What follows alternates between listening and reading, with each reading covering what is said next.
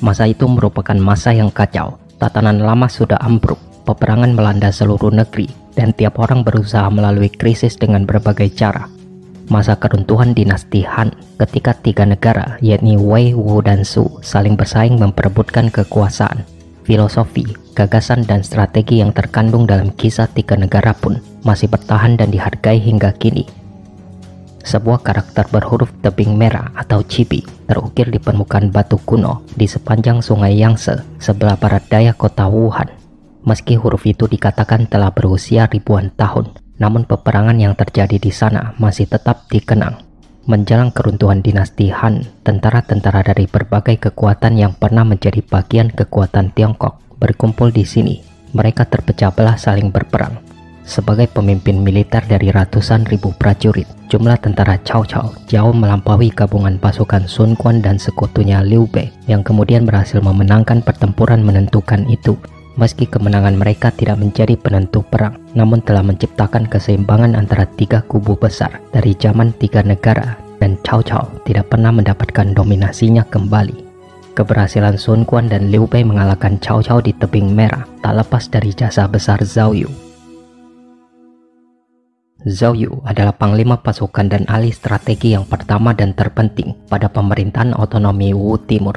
Ia bernama lengkap Zhao Gongjin, lahir pada tahun 175 Masehi di Kabupaten Sucheng, Provinsi Anhui. Zhao Yu adalah anak seorang bangsawan bernama Zhao Yi. Di dalam kisah tiga negara, ia dideskripsikan sebagai seorang tampan yang cakap dalam hal kemiliteran dan kenegaraan.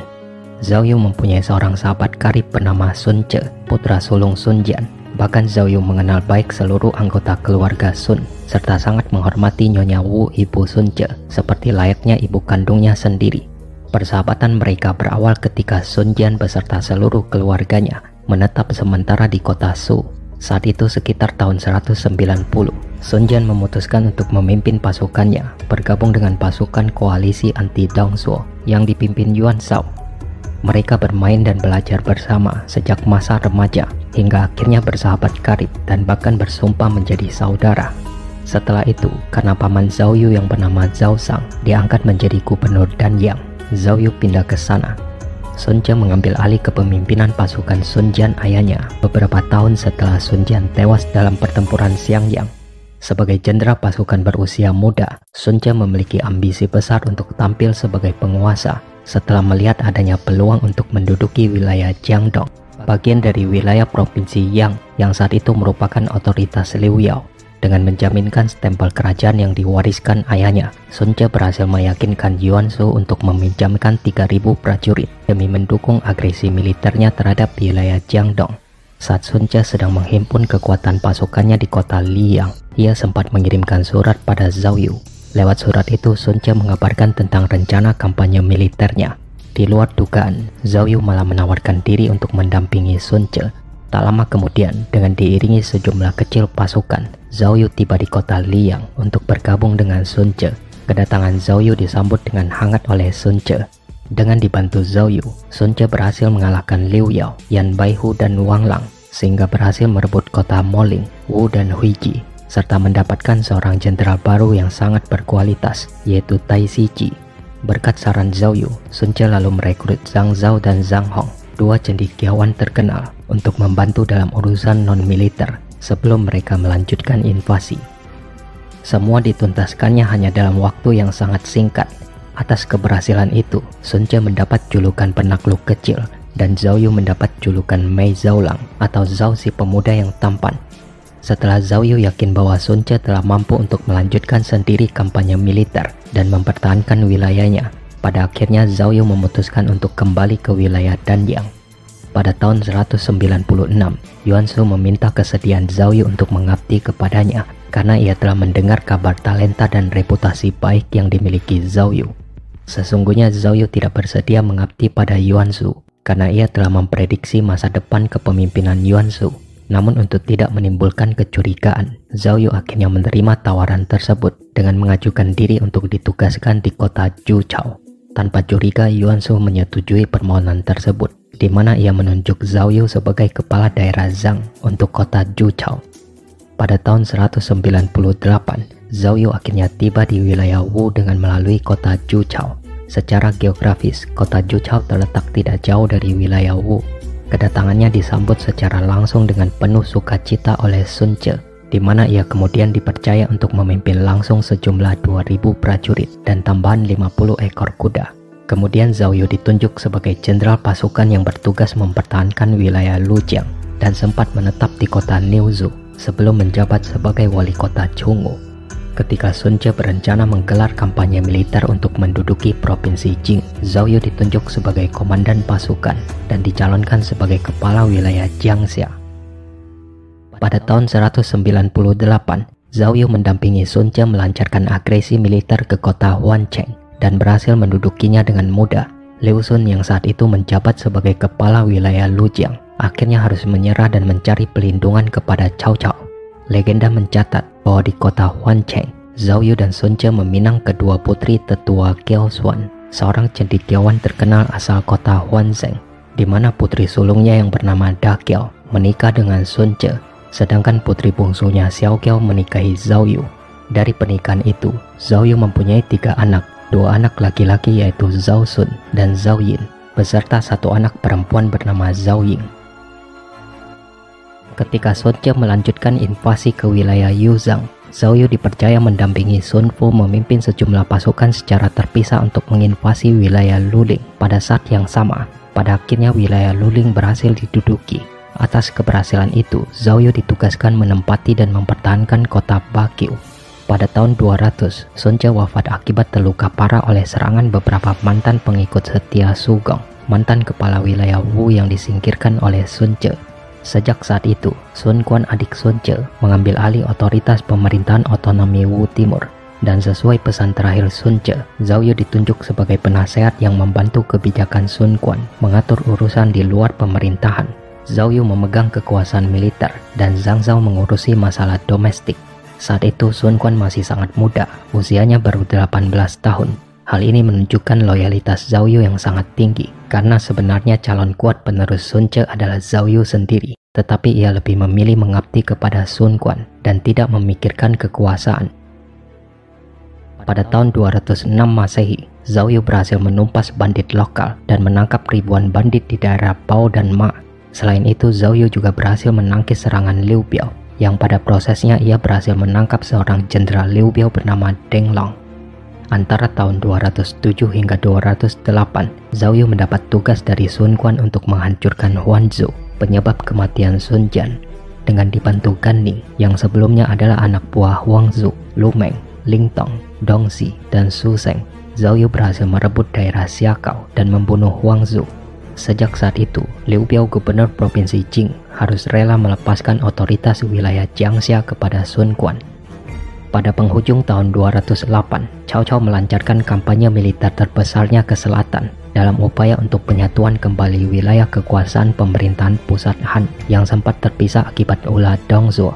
Tak lama kemudian, seluruh otoritas wilayah provinsi Jing jatuh ke tangan Cao Cao setelah Liu Zhong yang menggantikan ayahnya Liu Biao menyerah tanpa perlawanan Sementara Liu Bei yang saat itu bernaung sementara di salah satu daerah di provinsi Jing memutuskan untuk menyingkir mencari pelindungan di kota Xiakao.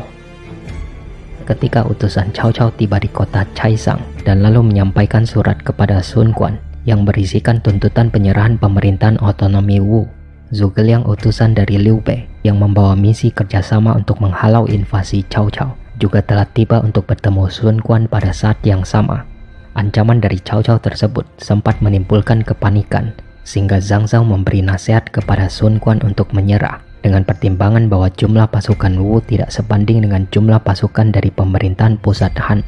Namun Zhao Yu tidak sependapat dengan pertimbangan bahwa jumlah pasukan Wu lebih unggul dan mengenal baik medan pertempuran dibanding pasukan Cao Cao yang dominan mengandalkan kekuatan kavaleri dan infanteri. Pada akhirnya Sun Quan memutuskan untuk bekerja sama dengan Liu Bei serta menunjuk Zhao Yu sebagai panglima utama untuk memimpin 30.000 pasukan Wu dalam membendung agresi militer pasukan Cao Cao di daerah Chibi. Sesuai dengan prediksi Zhao Yu, di mana sebagian besar pasukan Cao Cao menghadapi masalah besar dalam pertempuran air, yaitu pertempuran di sungai dengan menggunakan kapal perang. Pada akhirnya Cao Cao menderita kekalahan telak setelah keberhasilan Huang Gai, salah seorang komandan veteran pasukan Wu yang berpura-pura membelot pada Cao Cao, melancarkan serangan api terhadap barisan kapal perang pasukannya. Tak ingin menderita kerusakan lebih besar oleh gabungan serangan pasukan Zhao Yu dan pasukan Liu Bei, Cao Cao akhirnya menarik mundur seluruh pasukannya yang tersisa kembali ke kota Jiangling melalui rute darat. Peristiwa inilah yang kemudian dikenal dengan sebutan pertempuran Cibi atau tebing merah. Banyak sekali cerita, baik secara historis maupun fiksi, yang telah menuliskan tentang periode yang dramatis ini. Pusat cerita adalah Zhuge dari negara barat daya Su. Dia tercatat dalam sejarah sebagai ahli strategi militer yang paling terkemuka dan brilian pada masa itu. Namun novel bahkan mengangkatnya dengan prestasi fantastis yang lebih besar, juga yang ditugaskan sebagai penasehat para jenderal Su dan Wu dan harus menyusun rencana untuk menahan tentara Cao Cao dari utara yang lebih kuat. Ahli strategi siasat ini menetapkan pikirannya untuk merancang suatu strategi yang juga akan menjadi harapan orang-orang selatan akan timbulnya suatu keajaiban. Walaupun negaranya Su dan negara tetangga Wu secara teknis adalah sekutu, namun jenderal-jenderal Wu termasuk Zhao Yu tidak begitu percaya kepada Zhuge Liang dan iri terhadap kemampuannya yang legendaris. Bahkan saat itu, di mana mereka seharusnya bersatu, rasa iri dari jenderal-jenderal Wu membuat mereka membuat sebuah rencana untuk menyingkirkan Zhuge Liang. Zhao Yu memberitahu Zhuge Liang bahwa mereka berencana untuk menyerang tentara Cao Cao dan akan membutuhkan 100 ribu buah anak panah, sejumlah amunisi yang sangat besar Walaupun hal ini terlihat sebagai tugas yang mustahil, Zhuge Liang diharuskan menemukan cara untuk mendapatkannya, atau jika tidak, ia akan dieksekusi. Zhuge Liang dengan rencana yang brilian, akhirnya mampu mendapatkan 100 ribu anak panah itu hanya dalam tiga hari, dan membuat Zhao Yu terlihat tidak berarti dibanding Zhuge Liang. Dalam roman Tiga Negara, 100 ribu anak panah itu menjadi kunci yang sangat penting untuk bukti kemenangan pasukan selatan pada pertempuran di tebing merah mereka berhasil menahan serangan Cao Cao dan membuatnya pulang kembali dengan pasukan yang hanya tersisa sedikit. Sebelum melanjutkan kembali perjalanan ke utara, Cao Cao menugaskan para jenderal pasukan terbaiknya untuk tetap tinggal dan mempertahankan beberapa wilayah strategis di Provinsi Jing dari serangan balik gabungan pasukan Sun Quan dan Liu Bei. Tak ingin musuh lolos dengan mudah, Zhao Yu memimpin pengejaran terhadap pasukan Cao Cao hingga akhirnya tertahan oleh pasukan Cao Ren, salah seorang jenderal pasukan andalan Cao Cao yang ditugaskan untuk mempertahankan Jiangling. Cao Ren mengharapkan adanya bantuan dari Liu Zhang, gubernur provinsi Yi melalui daerah Yiling. Namun harapan tersebut kandas setelah Zhao Yu berhasil mengantisipasi dengan menugaskan Gan Ning memimpin sejumlah pasukan untuk menduduki daerah tersebut. Dengan melalui pengepungan selama setahun, akhirnya pasukan Wu berhasil memenangkan pertempuran dan menduduki kota Jiangling, wilayah Nan, setelah Cao Cao memerintahkan Cao Ren untuk menarik mundur seluruh pasukannya karena keterbatasan sumber daya dan besarnya jumlah kerugian pasukan. Atas jasa dan keberhasilannya, Sun Quan menunjuk Zhao Yu sebagai kepala wilayah Nan. Sejak saat itu, Zhao Yu menetap di kota Jiangling Peristiwa pertempuran antara pasukan Zhao Yu dengan pasukan Cao Ren tersebut dikenal juga dengan pertempuran Jiangling. Pengaruh politik Liu Bei semakin meresahkan pasca pertempuran Jiangling. Hal tersebut karena Liu Bei telah berhasil menduduki empat wilayah di selatan provinsi Jing, serta memiliki kekuatan pasukan lebih dari 20.000 prajurit dan dukungan kuat dari sebagian besar rakyat di provinsi Jing. Zhao Yu telah memprediksi Liu Bei akan menjadi ancaman serius bagi masa depan pemerintahan Sun Quan, sehingga ia sempat memberi nasihat dan usulan pada Sun Quan untuk menyingkirkan Liu Bei. Namun usulan tersebut ditolak dengan pertimbangan bahwa Cao Cao masih merupakan ancaman yang lebih utama. Pada tahun 210, Zhao Yu mengajukan usul dan rencana kepada Sun Quan untuk memperluas wilayah pemerintahan Wu ke provinsi Yi yang saat itu dikuasai oleh Liu Zhang sebagai langkah awal sebelum melanjutkan invasi militer ke wilayah utara untuk menduduki wilayah kekuasaan Cao Cao. Sun Quan menanggapi usulan tersebut dengan penuh antusias dan memberikan dukungan penuh kepada Zhao Yu.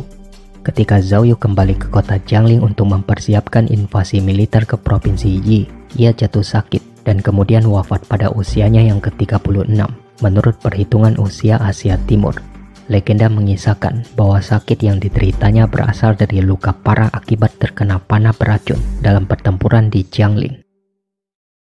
Kematian Zhao Yu tidak hanya meninggalkan duka kepada keluarga dan seluruh rekan seperjuangan, tetapi juga meninggalkan rencana dan visi penyatuan seluruh wilayah Tiongkok di bawah pemerintahan Wu. Sun Quan turut berduka dan menyesali keadaan tersebut Sebagai bentuk penghormatan terakhir, Sun Quan menyatakan hari bergabung secara serentak di seluruh wilayah pemerintahan Wu serta turut hadir pada upacara pemakaman. Sebelum wafat, Zhao Yu sempat merekomendasikan Lu Su sebagai penerus tugas dan wewenang yang ditinggalkannya.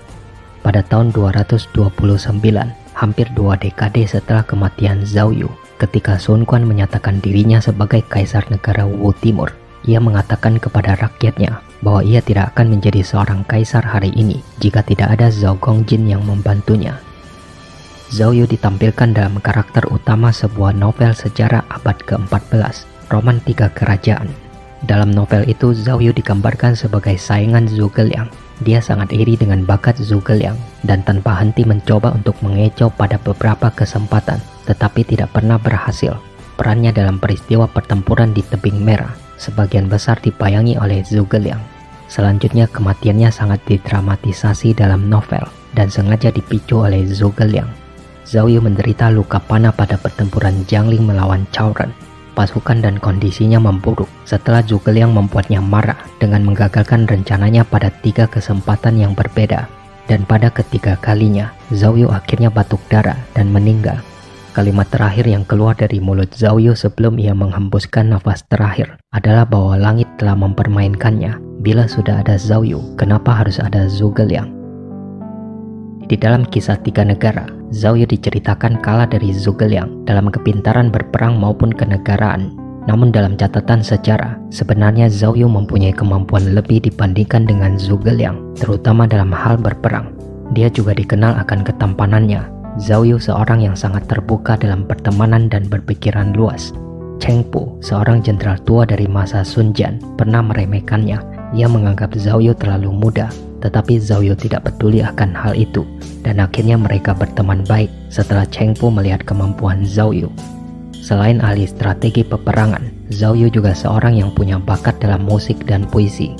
Ada perkataan pada masa itu bahwa jika ada suara atau nada yang salah, datanglah kepada Zhao Yu karena ia akan memperbaikinya bahkan pada saat ia sedang mabuk. Loyalitas adalah yang paling utama menurut Zhao Yu. Walaupun Sun Quan menganggapnya sebagai saudara tua, Zhao Yu tidak pernah melewati batas dan selalu setia mengabdi kepada Sun Quan. Zhao Yu adalah salah satu pesona paling berpengaruh dan menarik pada masanya dan melampaui Sun Jian serta Sun Ce dalam ketenaran sebagai salah satu ahli strategi terbaik di Tiongkok.